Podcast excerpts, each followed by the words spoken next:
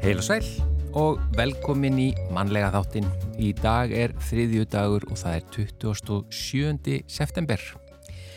1264. Þórður Andrisson, goðorðsmaður á völlum og rángarvöllum, var veginn af mönnum Gissurar Þorvaldssonar, Jarls. Þórður var eftir dauða sinn nefndu síðasti ottavergin. Já, það voru sko á á stjórnlenguöld. Það, það var bara eins og að væri stöðut verið að vega mann og annan. Já. Þetta er eiginlega, það, það er frettir sem að koma frá þessum, þessu tímabili. Eh, svo fyrir við alveg fram til ásins 1922. Fyrsta íslenska myndin fór í dreifingu í Reykjavík og voru það 10 öyra og 25 öyra peningar. Krónupenningurinn var ekki slegin fyrir 1925. 1941 minning, menningars og menningarsjóður hvenna var stopnaður á Íslandi. Í hlýðarendakoti í fljótst fljótslíð var reist minnismerki um Þorstein Ellingsson á aldar afmæli hans á þessum degi árið 1958. Og 1963 kona á leið frá Akureyri til Reykjavíkur varð miljónasti farþegi flugfélags Íslands. Það er þeir hljóta nú að hlaupa nokkur miljónum síðan. Já, það lítur að vera. Pétur Sigurgesson, 62 ára prestur og víkslu biskup var settur í ennbætti biskups yfir Íslandi á þessum degi árið 1981. Og 1998 var fyrirtækið Google stopnað, eða Goggle eins og eitt sem ég þekki segir. Já, þetta er, ég menn, þetta er ekki náma 24 ár síðan. Nei, eh, er ekki reikna rétt? Jú, og, og, og þetta er hva, eitt af vermatustu fyrirtæki með heiminum. Já. Þetta er svo fljótt að gerast í þessum bransa. Já, sko. heimurinn gjör breytur. Já, fjórar miljónir tóku þátt í lofslagsverkvalli um allan heim á þessum degi árið 2019 Greta Thunberg og Justin Trudeau leittu mótmálagöngu í Kanada með 400.000 þáttakandum. Nú að efni þáttarins í dag, heimildamindin Sundlegasögur verður frumsýnd á næstunni en Jón Karl Helgason hefur unnið að þessari mynd í nýju ár. Hann hefur heimsótt yfir hundra sundlegar mynda fólki sundi og fengi fólk til að segja sér sundlegasögur. Elsti þáttakandin í myndin er 100 ára og sá yngsti 10 mánada. Jónkart kemur hér eftir smá stund og ætlar að segja okkur frá því af hverju hann hefur svona mikinn áhuga á sundmenningu Íslendinga af því að þetta er ekki e, fyrsta heimildamindin hans um hana. Sævar Helgi Bragarsson kemur svo til okkar og ætlar að segja okkur frá áhugaverðri tilraun sem fór fram í gerkvöldi rétt undir miðnætti þegar gerfitunglið Dart var látið rekast á smástyrni með það fyrir augum að reyna að breyta sporbröð þess. Sævar fyldist með áreiksturinn í beitni útsendingu í gerkvöldi og ætlar að segja okkur frá því hvernig gekk og hvernig þessi tilraun getur nýst okkur í framtíðinni. Og svo er það Elinbjörg Jónasdóttir, veðurfræðingur, hún kemur hér í mannlegt veðurspjall Á eftir hausti hóst með kvelli um helgina, þá gular, appelsinu gular og rauðar viðvaranir mættu til leiks, líklegast ekki við fögnuð margra. En það verða sem sagt haustlagðirna sem við ætlum að ræða um í veðuspjalli dagsins. Já, við byrjum á tónlist eins og alltaf. Þetta er Viljámur Viljámsson og lægið Lítill fuggl.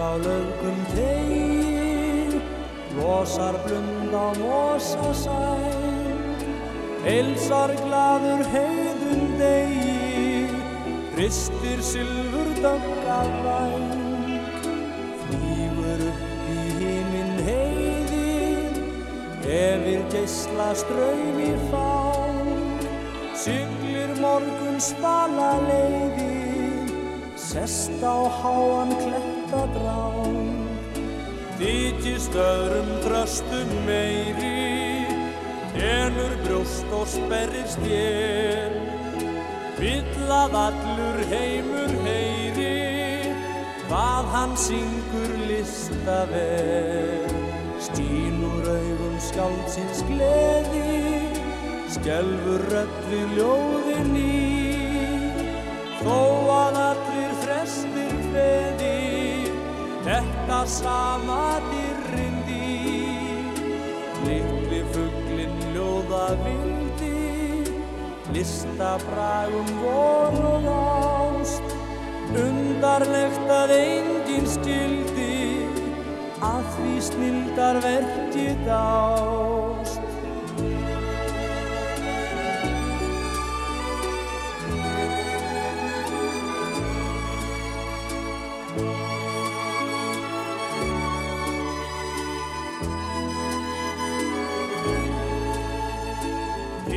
Hýtist öðrum þröstum meiri, lenur brjóst og sperrir stjél.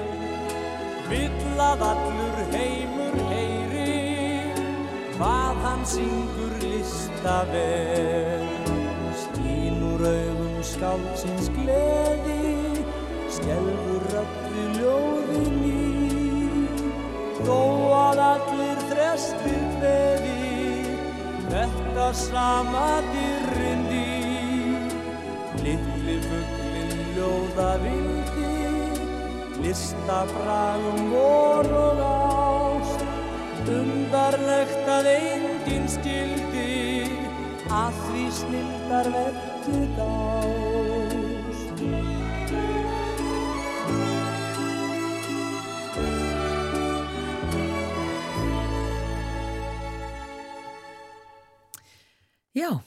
Þetta var Viljámur Viljámsson að uh, syngja fyrir okkur Lítinn fuggl, eða Lítill fuggl heiti lagi, það er eftir Sigfús Haldorsson og textin eftir Örn Arnarsson uh, sem var dölnefni fyrir Magnús Stefansson Já, sem er daldið, já, sérstakt. hér eru komið með viðmælanda, ég veit ekki, ertu með dölnefni? Nei, ég hef aldrei verið með dölnum. Jú, ég hef verið kallar ímsu nöfnum, Kalli, Nonni Kalli og ímsu nöfnum, en, en ég heiti Jón Karl. Jón Karl Helgason, velkomin í mannlega þáttin. Eh, Takk ykkur fyrir að bjóða mér. Og það er ekkert listamannsnafn heldur sem þú er svona? Nei, Nei, nei. það er ekki anþá komið. Já. Það kemur kannski þegar maður er búin að ná 100 ára aldrinum. Já, En, en hérna, þú ert að, að segja, frumsýna núna þessa sundlegasögur, heimildamind sem út búin að vinna að í nýju ár. Já, strax eftir sundið. Já, sem var önnur heimildamind um sund. Já, eða það er að segja, hún- það sem var límdi þá mynd saman var eh, baráttu Íslendinga við að- komast yfir Ermasundið. Já, Og Að, en uh, svo fór ég fimm sinnum til Dover og meðan auðvitað, er, er ég að hugsa betur, hvernig get ég búið til mynd það var komið drama, þeim tókst ekki til að byrja með nöfnunum að komast yfir þannig að þá var komið drama og þá gæti ég svona hugsanlega búið til mynd og en mér langaði að og fór að kynna mér sem sagt sundkunnáttus sögu Íslendinga til forna því, þá vikingandi kunna allir að synda eins og til dæmis Grettir, hann syndir yfir Grettisund já, já, Já. já, já. og það er nú ekki nema bara einhverja fimm línur í Grettisögu um, um hérna það sund, það þótt ekkit Og er ekki En- en tekið fram. það eru, það, Hva- en það, það sem að sannar það að, að Grettir hafi synd það er þegar að konurnar segja þegar hann kemur í land. Askot er nú lítið undir honum. Já, já, það, það er sönnunin fyrir því að hann hafi synd sundi, að kaldu sjór. kaldu sjór. Já, en sko það er ekki tekið fram uh, einmitt hvar þeir læriðu sund eða uh, hvers slags. fóröldunni bara kendu þeim að synda þau byggu flestir við sjáasíðuna Já, svo gerist það að, að það kemur kulda tíðanbil og fóreldin hægt að kenna Íslandingum að synda. Og 1820 þá segir mm, hérna, nei 1843 þegar Jónas Hallgrímsson gefur út sundreglur hann viti til þess að 1820 nokkrum árum áður það hefði sex Íslandingar kunnað að synda þess vegna gáður þess vegna gáður út hennar bækling til þess að kenna Íslandingum að synda já, það, það svona gekk ekkert sérlega vel. Nei, það, það var voru umfjöldunarefni með þessu, þessari barátt Íslandinga við að komast yfir Ermarsund. Það var svona sögulegur og fróðuleikur Já, inn á milli. En núna sko tíu árum eftir frumsýning á þeirri mynd, þa þá er komin þessi mynd sundlega sögur. Uh, hva, ég meina, hvað erst að fara með henni? Ég, ég ákvað bara að, að, að því að það er nú eh, svona mismöndi kultur í laugunum í hringin í kringu landið og, og hérna var búin að heimsækja nokkra lauga meðan ég var að gera heina myndina og kynna sólki og þar með Jón Eiríksinni, heitnum, dranga í allinum. Já, og, og hérna það er uh, og langaði bara að fylgjast með og þá se, var að leita eftir sérstaklega eftir eldra fólki sem gæti satt með sögur hvernig þetta var áður fyrr með sundlegar og hvernig menn voru að læra, hvað, við hvað aðstæði menn voru að læra sagt, sund á 20-stöldin og svo er ég í sundljóðsögum, alveg eins og í sundinu að sviðsetja gamlar aðferði við sundkennsluna inn á milli þess að ég heimsæki hinnur og þessa laugar. Já, þannig að þú ert að taka það fyrir, svona hvernig menn læriði þetta. Já, þann, þannig að ef þú horfið báðu minnar þá, þá getur þú fylgst með því hvernig þetta var í byrjun og hvernig þetta er í dag. Já. Og þú fóst í hundrað sundlegar? Já, ég heimsótti eitthvað millir 80-100 sundlegar en, en það, það voru þetta eh, mismunandi kandidatar sem, sem duttu svo út úr myndinni en það eru, það eru 35 sundlegar sem komið við sögu. Já. Og þetta er sko, ég menna þessi sundlega menning Íslandinga, því þú talar um að hvað 1820 hafa verið sex á Íslandi sem hafa kunnað að synda. Já, það segir Jónas Hallgrímsson í, í formóla hérna, baklingsins sundreglur. Já, og Nei, það er heldur betur árið breyting á því. Og... Jú, jú, þið sjáu það frá 1880 til 1990 á þessum 110 árum þá drukna 5.354 Íslandingar. Já, og margir bara í flæðarmálinu. Já ofta tíðum. Og allir og margir mun eftir því bara að afi eða amma sáu þann atbyrð. Já. Og svo auðvitað búum við það vel með heitavatnið að við getum bóðu upp á þessar sundlugar, það er að segja fólki upp á að fara bara í sund í hverslags veðri sem er. Já, sem heitavatnið er auðvitað er hérna fjársjóðurinn okkar. Já. En það er ekki allstaðar heitt vatn. En, en svona 95% sundlega í Íslandi eru hittaður upp með heitu vatni. Já. Já. Í hvaða laug, svona, laug fegstu bestu sögurnar að þínum að því?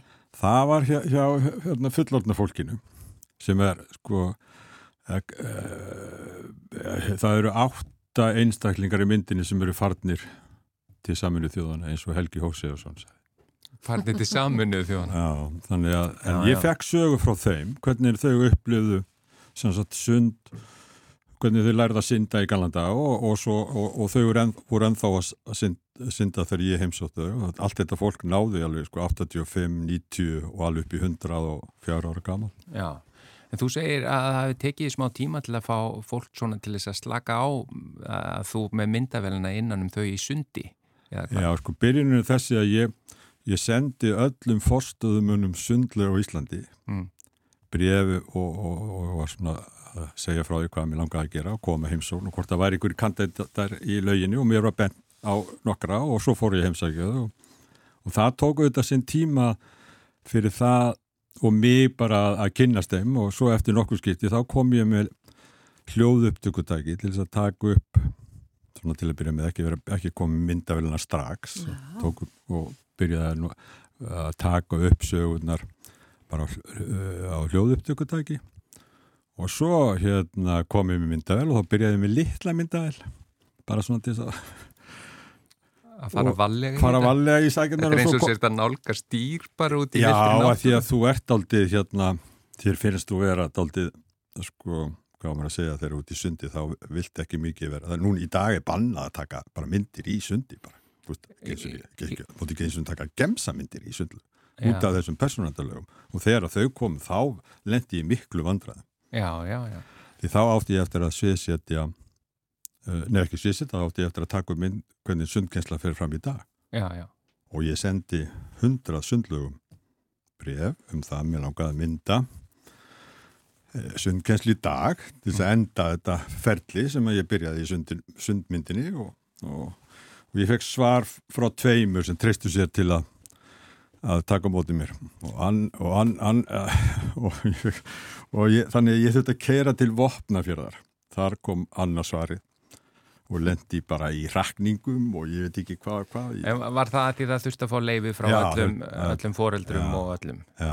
Já, sem er kannski auðveldara eða einfaldara í já. svona fámunni byggðalega. Já, akkurat. Já, akkurat. En þú, þú segir þessi hundra lögur, veistu hvað eru margar sundlega? Já, það eru svona ymsa tölu, ég, við heirt að séu til 127 steiftar lögur á Íslandi. Já. Ég veist að lasi það. En ég var ekki að telja og uh, ég, var ekki, ég var ekki því, sko. Ég var aðalega að leita fólki sem getur sagt mér sögur og, og þá sem sagt uh, sögur frá því gamla daga og þá fann ég auðvitað þetta fullorna fólk. Mm og, og, ég, og hérna blessu sér minning þeirra en það er allavega kom, kom, þessar sögur komnar á band Já. hvernig þetta var hjá þeim áður Þetta eru vermaðar heimildir. Já, mér finnst það Já. Hvað svona fannst þið markvert eh, og markverast kannski í þessum sögum sem þú heyrðir? Ég bara, bara að fólk er ennþá að stunda sund, skilum ég, bara svo frábært að sjá Hvað þetta var stór hluta lífa þeirra? Já, eins og Stefán Þorlausson á Neskustu, hann, hann saði sko farið sund fimm sinni viku á sumrin. En um helgar þá fær hann í golf, á veturnar þá fær hann líka fimm, líka fimm sinnum í sund en, en á skýði um helgar sko. Og svo fekk ég þetta svona sögur um, sem sagt, eins og frá henni Sigriði Húsavíka, hún, hún vildi aldrei fara í bað heima á sér og fór frekar í sund. Af Já. því að baðið var kallt það var ekki teitt vatn heima hjá henni. En í lauginni hérna í sveitinni þar var heit laug þannig að hún, og alla götu síðan. Alveg frá því að hún varð þetta gömul, skilur blessu sér minninga hennar, þá, þá, þá baða hún sig aldrei heima hjá sér heldur fór alltaf sund En það er nú ímislegt rætt í sundlugum og ég tala nú ekki um í heitum pottum. Þar er nú bara málinn kröfin til merkjar. En það var ekki þannig sögur sem þú varst að eldast við. Þú varst að eldast við sund, ég, sundlaugasögur. mað, ég prófaði það í nokkru laugum að vera með myndælun og í pottinu og það, það var mjög erfitt maður hefði vil, jú, jú, það hefði verið hægt að sviðsetja það, búa til en mér langaði það ekki mér langaði bara að upplifa eins og, eins og ég upplifaði þegar ég kom fyrsta skipti sem gestur og þá bara fer ég í heitabottin og horfa fólk og hlusta og, og svo aftur í heitabottin og aftur í sömu laug og, og svo er maður að aðeins að segja frá sjálfum sér af því að það kemur ókunnum maður í bottin og, og hann þarf auðvitað að kynna sig Já, já. Já. Ástu, þessi mynd, uh, sundlaugasögur, hún verður líka uh, forsýnd í sundhöllinni, eða ekki? Já, ég held að það hafa aldrei verið gert, gerst áður að heimildamöndum sundlaugar á Íslandi sé forsýnd í sundlaug Og hvernig verður hún sínd í bara á tjaldi Já, já. með hátalarkerfi og, Og og fólk fólk verður- fer bara í nei, nei, það fær sagt, miða til þess að fara hann voni og, og er bara í heitapottinum nei, hérna barnalauginni, inn í lauginni og þá að hita hann upp þannig að þú getur verið þarna í, í rúma 70 mínútur og, og, og það hlýtur að vera ég ætla, ég ætla að upplifa það líka í mínum röndótt ból að vera þarna í, í, í lauginu og, og, og vera alltaf í vatni og horfa á þessar sundlegar, ég, það hlýtur að vera mjög sérstak Já, þetta er svona óbeitt þáttakandi í myndinni ef þú Já, ert í eh, lauginni að já, horfa. En já. þetta ég geti tróði sérstöku upplifun. Ég held það. En Erst þú sem sagt í röndóttum sundból? Já, ég hef bara, ég, þegar ég kynnti myndina sundið, Já. þá var ég í öllum viðtölum, blöðum og sjónvarpi, þá var ég alltaf í röndóttabólnum og ég ætla bara, ég er bara svo hjálpræðafullur, ég ætla að halda því áfram, ég hef náttúrulega kannski að koma í röndóttabólnu núna, en að því að þetta er útvarp, að þá óþarfi. En Jón Karl Helgason, bara fyrirfram til hamingju með þessa mynd og eftir öll þessi ár, það verður spennand að sjá uh, útkomuna. Já, sko, ég er auðvitað, á meðan er ég að gera auðvitað, langar ykkur að heyra hvað ég var að gera á meðan. Já, já. endilega Ég, sko, ég er að gera heimildamundum fósbræður, kallakonir fósbræður, sem ég er búin að vera að mynda í fimm ár. Ég er að gera heimildamundum e, þá karlmenn sem eru á lífi sem hafa skoti íspilni Já, og, og, og svo er ég að gera heimildamundum Egil Ólason og það verður trúlega næsta mynd sem ég síni. já. Hva, hvað heldur að veri langt í það? Já, það verður bara næsta ári, Já, já. svona, næsta haust. Og þessi mynd, sundlegasögur, það er að segja, það er þessi forsynning í Já. svo verður hún sínd í Bíóparadís, ekki Já, sér? Jón Karl Helgason, takk kjalla fyrir að koma í mannlega þáttin og segja okkur sundlegasögur. takk sumleðis.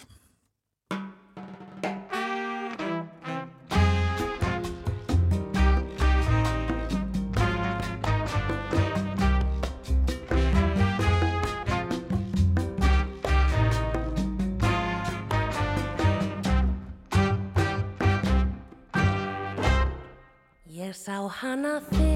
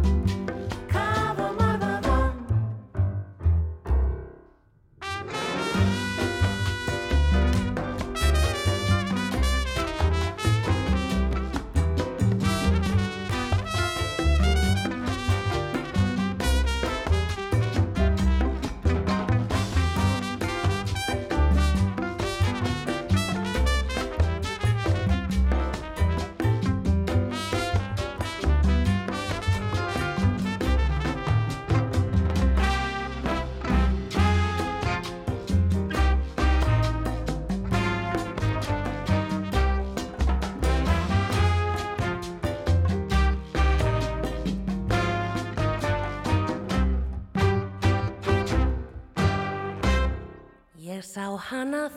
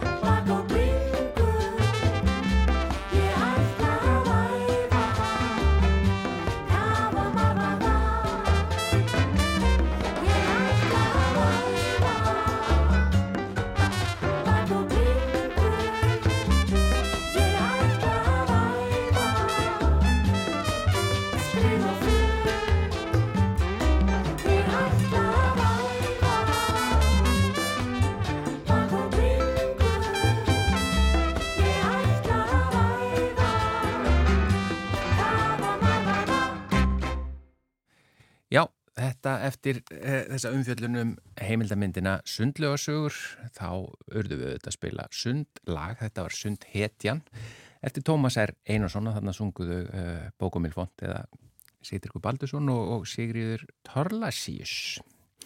En hingaði komin Sævar Helgi Bragason, kontu sæl og blessaður. Sæl og blessuð. Það var þessi áhugaverða tilraun sem að hún auðvitað það gerðist eitthvað í henni í gær en hún er búin að standa yfir í langan tíma. Og útskýrða aðeins hvað við erum að tala um. Já, í gær klukkan 14 mínútur öður 11, rétt mm. fyrir minnati þá skall á smástyrni uh, gerfitung fyrir jörðinni sem heitir dart eða píla. Og tilgangurum með því var að reyna nýgaði til, þar sé að færa það aðeins til á spórbreytinu sinni eða hægja kannski frekar á ferðalagi þess um smástyrni sjálf sem að það gengur um, þetta er svona eins og tungl í kringum annan, annan hött Mm. og myndirna sem bárust frá gameskipinu eða gerfitunglinni í gær voru glæsilegar, það var sendt út alveg frá, fram að, á síðustu stundu. Og þú bara hætti útsendingina því að geimfarið var ónýtt. En svo hafa byrst myndi núna í nótt og, og í morgun af afleðingum áraugstursins eins og hann sést frá jörðinni, þá sést efni bara svona gusast í burtu, svona svipað eins og þegar maður hendir s- stein í nýfallin snjó, hvernig hann svona kemur puff í allar áttir. Mm.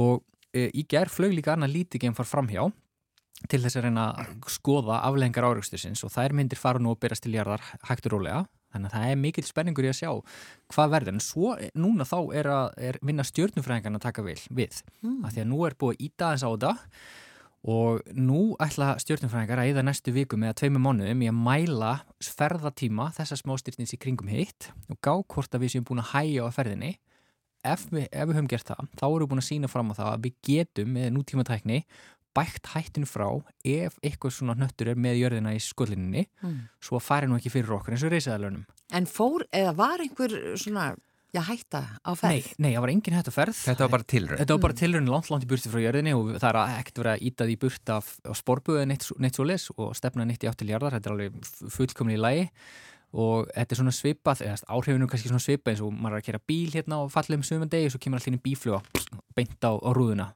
Bíflugan hægir pínlítið á ferð bílsins. Gerir En- hún það? Hún gerir það, því að hún er alltaf bara með smá orku, Já, en pínu pínu lítið. já. Þannig að hérna, þetta er svona svipið tilraun, þannig að þetta er, Þannig að þetta var eins og að senda bíflug já, á framrúð. akkurat, var svolítið þannig. En sko, bara þannig að maður átti sig á þessu sko, að, hvað þetta í rauninni er, mm að við höfum auðvitað séð bíómyndir, það sem að, og svo, eins og þú talar um, svo að fara ekki fyrir okkur eins og risaðalónum, að svona smástyrni eða, Mhm. eða hvað, lofsteinn, já, þetta er hann svona bara risastórt bjarg í geimnum. já, Mhm. ef að það myndi klessa á jörðina, Já. þá gætu orðið alveg svakalega afleðing. Já, þá væru hamfari sem við myndum eiginlega bara alls ekkert vilja vera vitni að. Já. Eh, Þetta er litlu tungl sem var rekist á í gær, það er 160 metrar í þörmál Ekki stærra þó en en það, en það gengur um annað sem er 780 metrar í þörmál. Og ég var eitthvað að reyna að finna einhvern svona til að setja í samingi 160 metrar í þörmál er svona svipustærið eins og bara grábrók í borgarfyrði þegar fólk ekkur fram hjá bifuröstu þar þá er það við grábrók, grábrók. Og það er svona cirka 160 metrar. Og svo er það þá hitt svona eins og lómagnúpur. Þannig að þetta eru stóri steinar en í geimnum þá ferðast þeir svo hrikalega hratt að þegar þeir skella á jörðina þá eru þeir kannski að ferðast 10 sinni hraðar en byssukúla eða 20 sinni hraðar en byssukúla. Og áraksturinn í gær á okkar völdum var á 24.000 km hraða klukkustund. Og það gefur augulega að þegar svona hnöttu skellur í jörðina þá er reyvorkun slík að afleðingarnar og áhrifin af því eru gigantísk og þetta þekkjum við ágætlega bara steitt sem var 20 metrar þörmál sprakk yfir Úslandi árið 2014 og var til þess að 1500 mann slösuðust út af höggbylginni og 7000 byggingar skemmtust þegar það gerist, það var ekki nema 20 metrar svo bara svona svo strætó sko. Já. Og gerðu við eitthvað þá til þess að... Nei, við, Nei. við bara vissum ekki af honum sko. Hann kom en hann, hann sprakk í rauninni samt á hann, hann Já. skall ekki á jörðinni eða Nei, hann skall ekki í jörðinu, loftjúburinn varð okkur. Já, en hann sprakk í svona 25 km hæð yfir jörðinni en afli sem hann sprakk uh, með var álíka mikið eins og í svona 20-30 kjarnungussprengjum eins og varpa var Hiro- Hiroshima og Nagasaki. Og, þannig að orkan alltaf fyrir allar áttir já, og fór ekki síst niður á við líka. En svo fyrir uh, 100 og er rétt rúmlega öld þá sprakk 50 metra breiðu steinn yfir Tunguska í Sýberíu og það eru frekar svona skelfilega sögur því, laði skólendi í rúst gjörsamlega, feldi tré út um allt og kveikt í skóum og það eru meira þess að lýsingar af því að fólk í nokkra tuga kilometra fjarlag frá sprengingunni hafi bara mist fótuna, þar segja ekki bókstallega mist fótuna, heldur dottið já skotist til hliðar út af högbylginni í nokkura tuga, nokkra tuga kílómetra kilometra fjarlag En sko, þannig er þetta að tala um minni steina Já. en þessi sem var verið að skjóta á í nótt. Já. Eh, en ef að við, ég meina, erum við alltaf að fylgjast með því hvort að einhver slíkt sé á leiðinni til jarðar og hvort það sé einhver hætta? Já, við erum með verkefni sem ganga út á að skanna heiminin og leita að þessum steinum sem getur mögulega skollið á okkur og við viljum auðvitað finna það með eins miklum fyrirvara hættir svo að sé hægt að smíða gameskip og hægt að fara þanga á staðin og láta að skella á það ítaði burt uh, að því að því meiri fyrirvara sem við höfum því betra Mm. og þá hérna líka aukast áhrifin. Með öðrum að nú hægir á þessu pílnitið en jörðin heldur náttúrulega að reyfast og svona þannig að þú ert búin að magna upp svo áhrifin svo mikið að þetta er svo langt í burtu og allt svo stórt sko. Þannig að við viljum finna hnettin eins fljótt og auðið er og það eru verkefni sem gangi út á það að skanna heiminin og leita að flest öllum þeim steinum sem gætu valdið okkur skada en minnisteinar eru miklu miklu fleiri heldur en stórir. Mm. þannig að það er erfið að finna þá og þess vegna þurfum við að stækka sjónunguna líka til þess að sjá þessa litlu daufu sem eru þarna líka úti með Já. jörðina mögulega í skotmarkinu Og er fyrirværin alltaf Nei, eh, ekkert endilega góður sko. Nei, ekkert endilega, af því að sumi steinar sem eru frekar litlir, kannski 10 metrar eða eitthvað svo leiðis, eða jafnvel 20, hún getur valdið svona mjög litlum staðböndum skada að það er mjög erfitt að finna þá bara því þeir eru svo litlir Mhm. og bara núna í fyrra, eða bara fyrra á þessu ári hreinlega, þá sprakk yfir Íslandi steinn sem að kom bara upp úr þurru, hann var reyndar bara 3 metrar þörmál, þannig að hann var svona eins og bíll en það er mjög sjálfgæft að slíki steina finnist áður en að þeir skella á okkur Hva, hvað er langt síðan að þessi tilraun hóst? Hvenar var átt að segja, já býtu, þannig er steitt sem við getum notað í þessa tilraun? Já, það er bara nokkru mánuði frá því að gemförinu var skotið á loft en þetta er alltaf afrakstur nokkru ára vinnu þar sem Já. að uh, fólki sem stendur á bakvið leðangurinn var búin að mæla með því að þetta er gert til þess að prófa og þetta var eitt af því sem að til dæmis gemföristofnum bandarækina vildi gera og var bara ráðast í smiði gemskipsins það fór á loft fyrir á þessu ári og uh, hefur síðan verið að sigla nokkra miljónir kilometra, nokkra 10 miljónir kilometra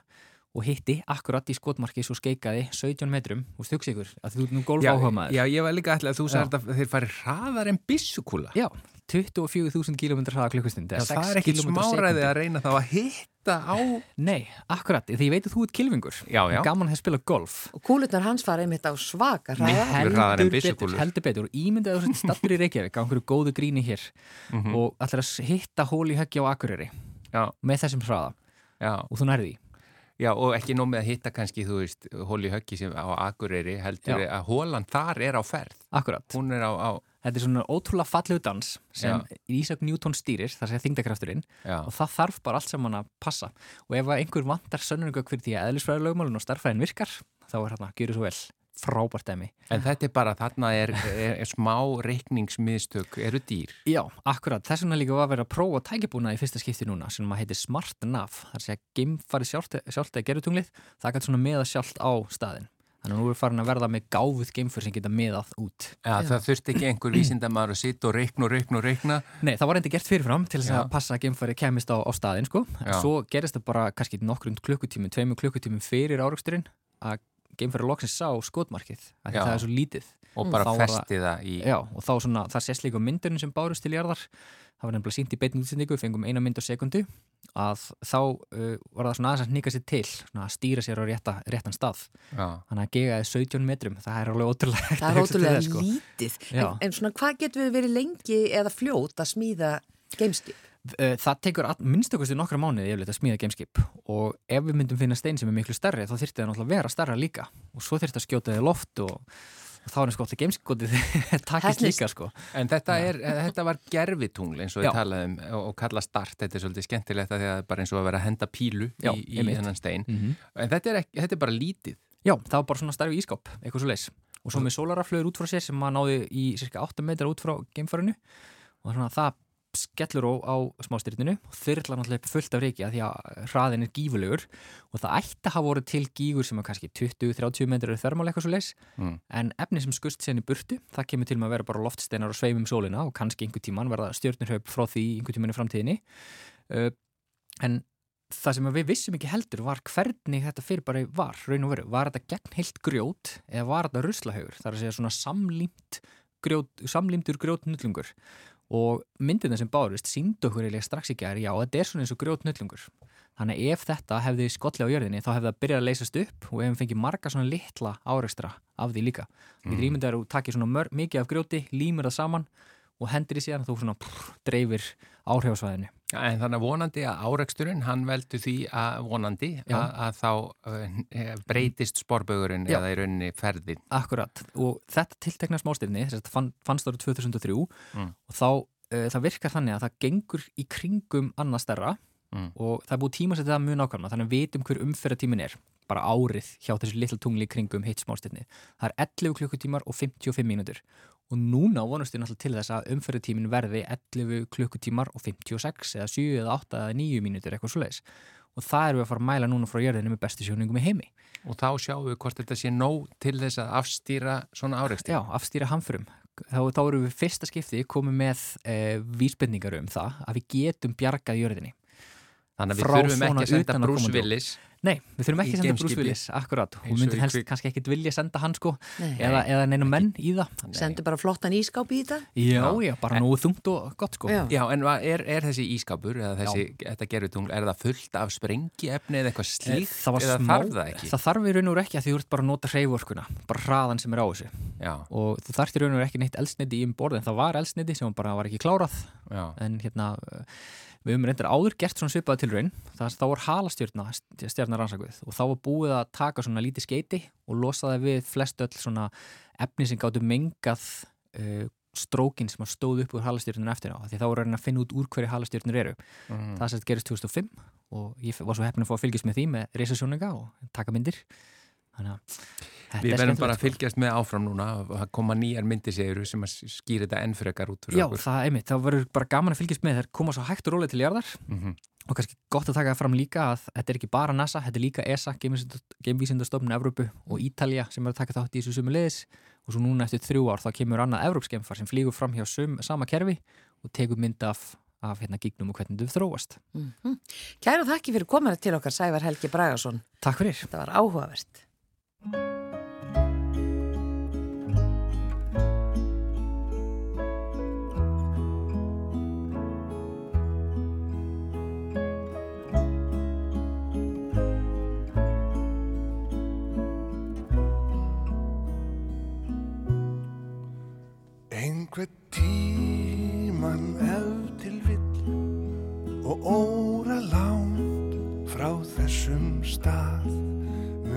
mun ástinn hörfa heim til þín og hjartan styrum knýja að og innmitt þá og innmitt þar mun ástinn krefja þig um svar.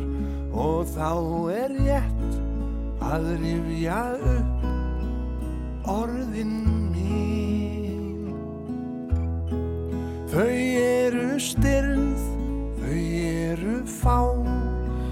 sjálfsagt aldrei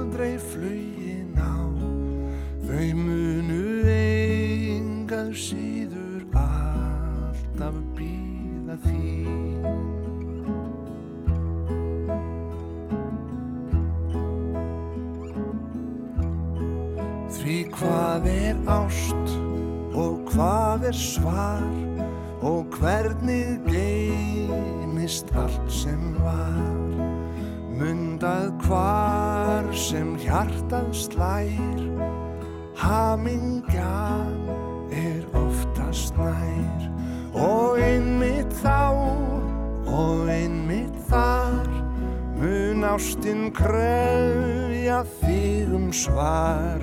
Og þá er rétt að rifja upp orðin mín. Þau eru styrð þau eru fá. Þau sjálfsagt aldrei flugin á. Þau munu engað síður See.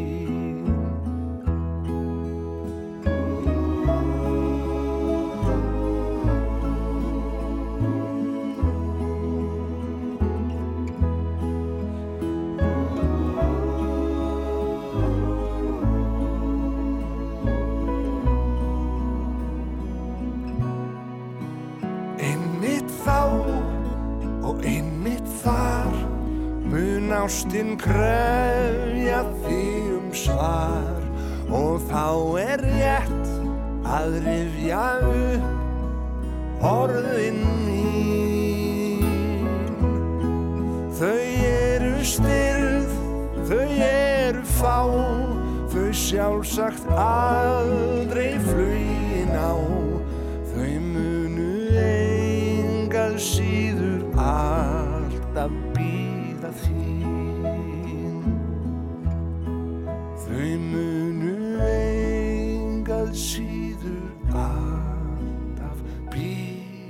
býða þín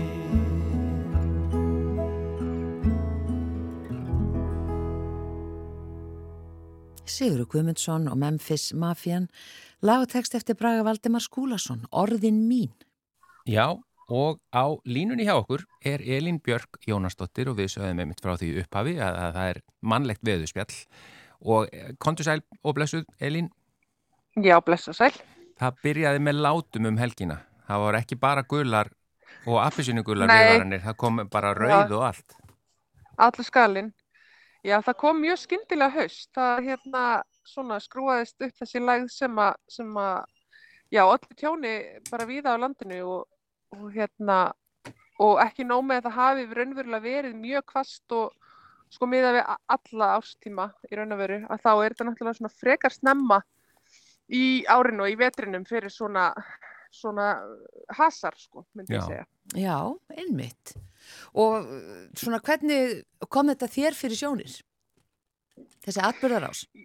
Já, sko ég, hérna, við höfum svolítið fylst með því það sem gerist er að það eru sko tvær svona, maður kalla tvíburalagðir sko langt frá Íslandi sem að sem að hafa svolítil áhrif. Ann, önnur lagðin var sem sagt Fiona sem að var fellibilur og, og allir miklu tjóni við Nýfundaland. Mm. Og svo var önnur lagð sko norður af henni, sem styrir hann að vera fyrst vestan við Grænland sem að myndaðist og, og þessi fellibilur, uh, sem sagt bara dæld alveg ofbáslega hlý og röku lofti til okkar, eða til þessara lægðar hérna vestan við Grænland, síðan fór yfir Grænland og kom til okkar. Þannig að sem sagt, veðrið hjá okkur var svona óbeint tengt þessum, þessum fellibil sem að allir þessu tjóna ný, Nýfundalandi. Og, hérna, og við höfum svona séð þetta stundum að yfirleitt er að þetta gerist og, og við höfum nú talað um það að, að fáum svona leifara fellibiljum að þá kannski bara rignir alveg rosalega mikið á Íslandi. En svona stundum að þá, þá valda leifara fellibiljum miklum illveðrum og, og þó að þetta hafi ekki verið beinleginis leifar heldur meira svona afleiðing af því að þessi fellibylur var á þessu stað þá, þá er það í raun og veru það sem svona sérstakt við þetta veður og, og hérna og við höfum nú svona brent okkur á því kannski að, að stundum vannmetum við kraftin í svona veðrum sem að koma til út af svona hitabeltislofti þannig að, að þegar þetta kom í spotnar og við fórum að sjá hversu alvarlega þetta er þá ákvaðum við bara að það yrði náttúrulega að- skrúa upp viðvaranir og, og fara bara í raut á austfjörðum af því að það leit út fyrir alltaf verða alveg bandvillist veður og sem auðvitað varð úr sko. þannig að ég er nú svona heilt yfir mjög ánægð með hvernig viðvörunarkerfið virkar og hvernig fólk bregst við því sko. Þetta, þetta með einmitt að því við fórum yfir þetta um daginn, gul, gult og Já. appelsinu gult og, og raukt. Sko ef það Einmitt. kemur app, eða því gul er náttúrulega bara, þú veist, það er að koma eitthvað brjála veður, en, en, en Já. appelsinu gult og raukt, að raukt er bara, Mhm. bara að vera inni eða ekki, eða, eða bara Jú. hætta á ferðum. Jú, rau- rautt er bara að það er mjög, er mjög mikil hætt á ferðum og mikla líkur á því að sko fólk verði fyrir tjóni ef það er úti í slíkum veðrum. Mm. Og auðvitað reynum við að gefa rauðar viðvaranir út með þannig fyrirvara að það sé hægt að huga að eigum sínum og, og fyrirtæki get gengið frá. En, en það er rosa lítið sem þú getur gert í svona látum sko. Já, Og það sem var nú líka, sá ég haft eftir hérna björgunarsveitamanni á, á reyðafyrðu minni mig, hann sagði bara þú bindur ekkert niður fyrir svona, fyrir svona veður sko. Að hérna, þú veist, að þrátt fyrir undirbúninga þá var samt þetta tjón. já, já. Og, og svo fannst mér ábyrjandi í þessu veðri núna, við vorum að heyra af sko bátum sem að fara niður í höfnum og við vorum að heyra líka af sko trjám sem rifnir upp með rótum. Já, Og það er nú ekkert sérstaklega algengt að það gerist á Íslandi en þetta er náttúrulega svo snemma vetrar og, og raun og veru ennþá haust bara að sko trén er náttúrulega svo mikið löguð ennþá og það skiptir mjög miklu máli. Að þau náttúrulega taka á sig meiri vind og eru miklu þingri þannig. Já. Þannig að það er sennilega ástæðan fyrir því að, að þessi tré voru að fara meira núna heldur en kannski þegar þessi veður gerast í, í kannski janúar sko. Já, en ég veit ekki hvort það er á já, könnu veðurfræðinga, en hvernig komum við svona viðvörunum til ferðafólks? Ég vildi ég hefði gott svar við því. Sko við erum með þannig kerfi að, að viðvaranirnar okkar byrtast í til dæmis uh, bæði Android og Apple símum ef að fólk er með sko veður hérna upp í þeim símum og leifa uppunum að gefa sér svona uh, tilkynningar eða sem sagt láta fólk vita. Mm. Þannig að þau sem að voru með til dæmis uh, Android síma og, og voru að skoða veðri þau hefðu öll hægt að sjá þetta alveg eins og bara íslensku hérna ferðamennir sem að kannski fylgjast betur með fjölmiðlum á Íslandi. En ég held að vandamáli sé kannski svolítið þetta að, að hérna, við náum ekki að fræða ferðamenn náum ekki um sko alvarleikan á þessum veðrum uh, og, og við einhvern veginn kannski þyrftum við sérstaklega með ferðamennina sem eru að ferðast sjálf sko kannski þarf bara að standa yfir þeim á bílalegunum og horfa á þau sko setja þessi forrit og, og leifa tilkynningar þannig að við séum vissum að þetta fari ekki fram hjá þeim sko. En, en þetta er svona eilíða vandamál og við verðum vissulega að reyna að finna einhverju leiðir en, en ég sá allir dæmis almannavarnir og, og fleiri voru svona beinaði til Íslandinga að reyna að koma því áfram til útlendinga á svæðanum sem þeir voru að, að, hérna, að það er þetta vont veður sko. Nú, nú Þannig að þetta er, já, þetta er erfitt. Við höfum svolítið talað um haustlæðina sem að skella á okkur einmitt á þessum tíma. Er, var, var þetta bara Já. svona ein af, eða voru þetta þessar típisku haustlæðir og eigum við vona fleirum svona? Nei, ég myndi nú ekki segja þetta hafi verið típisk haustlægð. Um, þetta var svona eins og segja út af þessu, þessar tengingu þarna við þetta hitabeltiskerfi og þennan mikla varma sem kom hérna úr söðri, að þá er hún nú óvenju, óvenju svona mikil og, og öflug og við hérna, venjulega þá erum við nú ekki að fara raukt út af fóktjón í, í svona haustlægðum sko, eins og segja, oftast eru þær kannski meiri svona regningarlægðir Já, En við- ég já. myndi nú segja að þessi sé óvenjuleg og ég sé ekki að við eigum von á ekki allavega neinu í þessi, þessari líkingu svona næstu daga sko. Svo það er nú tiltúlega rólegt yfir landinu næstu daga. Já, mér fannst veðurfræðingurinn í gæri eitthvað að tala um að það væri handan við hornir einhver leiðinda lægð, en það er kannski bara eitthvað svona Já, rigning. ég held kannski, ég held kannski að sko að nú verði viðmiðið svolítið skakt en hérna, en það verður kannski svona, hún verður heldur venjulegri fyrir ástíman. Já, Já, já, bara, Smá bara leiðinda, já, já, það er annað en kannski rauðviðurinn. þekkjum það mjög vel. Akkurat, sko. En svo, Já, svo er annað, að það er bara, uh, við vorum að tala um það áðan en að við, á- áður en við byrjuðum áðan að, að það er þryggja gráðu hiti hér fyrir utan. Já, er, erum við bara akkurat. núna, erum við að missa hittastíin hérna bara hvert af öðru á næstu dögum? bæði erum við náttúrulega komin við haust, handan við haustjafndægur sko, þannig að sólinn er alltaf að minka og minka sín áhrif bara á svona dægursveifluna sko. og svo, svo er hitt að, að hérna, þessi lægð hún hún greip með sér rosalega mikið heimskutaloft og skilur okkur eftir í þessari norðanátt en það hlínar samt alltaf síðan þegar við fáum einhverja massa, loftmassa úr söðri. Þannig að ég hugsa að það sem gerist núna næstunni fyrst að við erum komin með þetta kuldakast að það er svona smá dregur úr hitta til dæmis í, í vegum og, og hérna jörð og svona. En ég hugsa eigum alveg einhverja góða daga eftir, ég held að sé ekki þannig að við séum bara komin í veturinn sko, að því að, að, því að læðirnar koma þrátt fyrir allt, alltaf úr söðri með eitthvað lít ást með sér en svo getur það alltaf endað á því að við fáum norðanáttina í kjölfarið sko, sem er mjög svona, mjög svona hefðbundin leið fyrir þess að læðir að fara. Já. En hvernig er sko þegar það er svona rauð viðvörun eins og var núna Mm. um helgina er, og, og hún, hún átt að skella á eða ekki yfir nótt eða? Nei, sem sagt rauðaviðvörun tók gildi á hádegi en, en veðri var að vestna þarna aðfara nótt sunnudags og svo hafði þetta verið líka sko slæmt veður á lögadaginum þannig að þetta var svona tvíþátt að veður. Það var hlýtt og, og mjög hvers vestanátt eða suðvestanátt á lögadaginn og mældist einmitt hérna 20 og hvað var það 3,6 gráði hiti eða 4,1 gráði hiti að Dalatanga og hérna í, í, í hnjúka þeinum þarna á lögadaginum og Já. síðan vestnaði þetta þegar lagðin gekk hérna norður eftir aðfaranótt sundags og svo var rauðaviðvörunin í gildi frá hádegi og til klukkan nýjum kvöldið. en ég er að hugsa með ykkur fagfólki þegar það kemur svona rauð viðvörun er þetta ekki, þú veist, ert þú að vaka og svona á nó- nóttinni eða er þetta að ganga yfir og þú veist, er, er þetta spennandi að fylgjast með?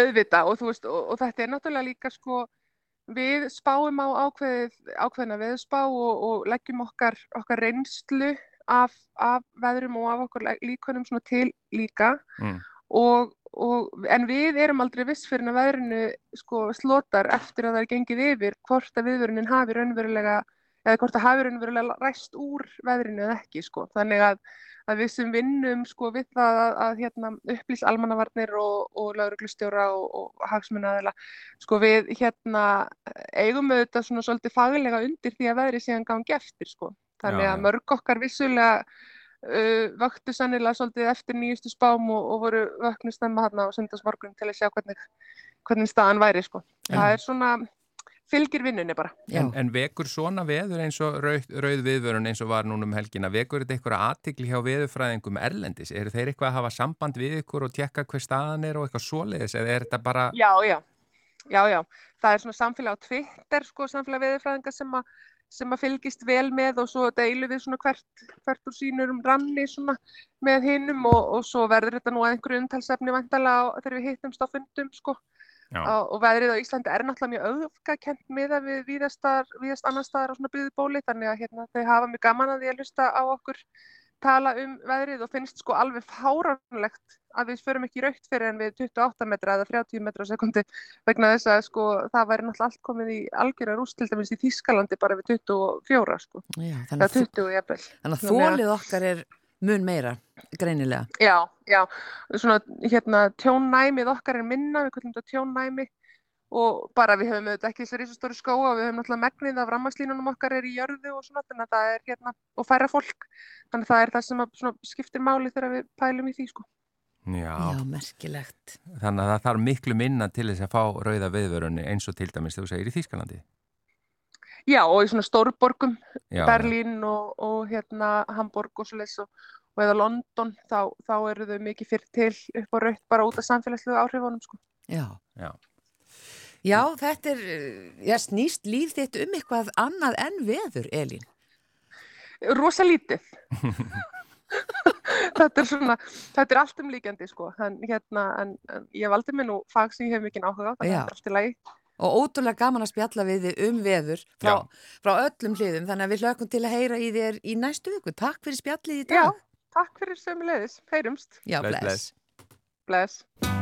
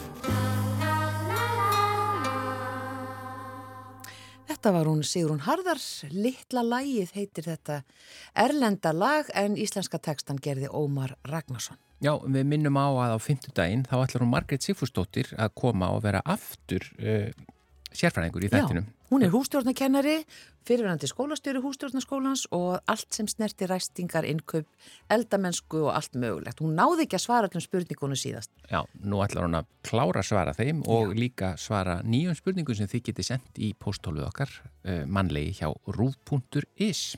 En við þökkum samfélgin í dag. Veriði sæl.